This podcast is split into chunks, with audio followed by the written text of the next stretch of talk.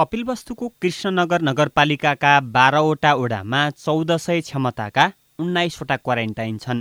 कुनै समय अठार सयसम्म पुगेका ती क्वारेन्टाइनमा झन्डै आठ सयजना बसिरहेका छन्। क्वारेन्टाइन व्यवस्थापनमा मात्रै अहिलेसम्म नगरपालिकाले बहत्तर लाख रुपियाँ खर्च गरिसकेको नगरपालिकाका स्वास्थ्य संयोजक अनिल विश्वकर्मा बताउनुहुन्छ। तिन सय सडसठ रहेछ खाना पानी बस्ने खास त अब त्यो सामग्रीहरू त भइहाल्छ नि। सामग्री त्यो हाम्रो पिपी सेटहरू सेनिटाइजरहरू बुटहरू त्यो त जोडेकै छैन नि यसमा। कालीकोटको पचाल झरना गाउँपालिकाले तिनवटा क्वारेन्टाइनमा डेढ सय भन्दा मान्छे राखेको छ। पन्ध्र लाख खर्च गरिसकेको छ। गाउँपालिकाका अध्यक्ष खड्गराज सेजुवाल सामान्य एउटा ऊ गर्दाखेरि साढे पाँच सय एकजना बराबर खर्च लाग्ने थियो। क्वारेन्टाइनको त अब स्वभावैले अब तिनी क्वारेन्टाइनमा कति छन् त्यो अनुसारको आइहाल्यो होइन। देशभरका क्वारेन्टाइनमा रहेकालाई खाना तथा खाजामा एकजना बराबर तिनदेखि पाँच सयसम्म खर्च हुन्छ। क्वारेन्टाइनमा बस्नेको सङ्ख्या थपिएसँगै स्थानीय तहलाई आर्थिक दायित्व अस्वाभाविक बढेको छ।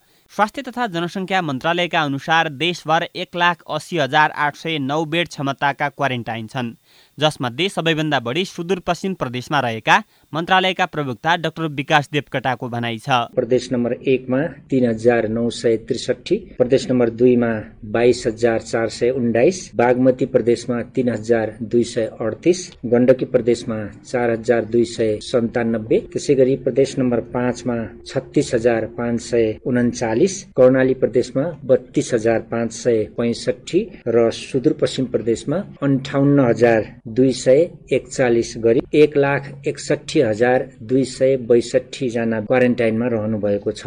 क्वारेन्टाइनमा बस्ने व्यक्तिलाई दैनिक एक सय पचहत्तर रुपियाँका दरले सङ्घीय सरकारले रकम उपलब्ध गराउने निर्णय गरिसकेको छ। क्वारेन्टाइनका नाममा साढे दुई करोड रुपियाँ हरेक सङ्घीय सरकारले खर्च गर्छ भने बाँकी रकम स्थानीय सरकारले बेहोर्नु पर्नेछ मन्त्रालयका प्रवक्ता वसन्त अधिकारी। अहिले हाम्रा सुरक्षाकर्मीहरूले दैनिक पाउने रासन बापत पाउने हाम्रो सुरक्षाकर्मीहरू त दैनिक रासन त्यति नै पाइरहनु भएको छ नि त। रासन बापतको चाहिँ त्यसलाई पनि मापदण्डको रूपमा आधारको रूपमा लिइएको छ।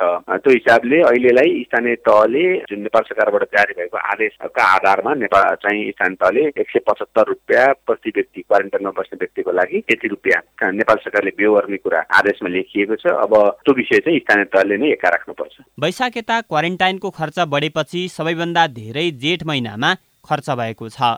अहिलेसम्म क्वारेन्टाइनका नाममा झन्डै तिन अर्ब खर्च भइसकेको अनुमान छ।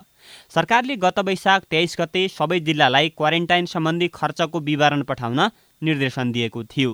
तर एक महिना बितिसक्दा समेत खर्चको विवरण सङ्घीय सरकारलाई प्राप्त भने हुन सकेको छैन। महामारीका बेला भइपरि आउने कामका लागि खर्च गरिनु स्वाभाविक भए पनि पछि बिल भरपाई अनुसार भुक्तानी गर्ने गरी खर्च भइरहेकाले दुरुपयोगको सम्भावना बढी देखिन्छ। केशव भुल सिआइएन काठमाडौँ।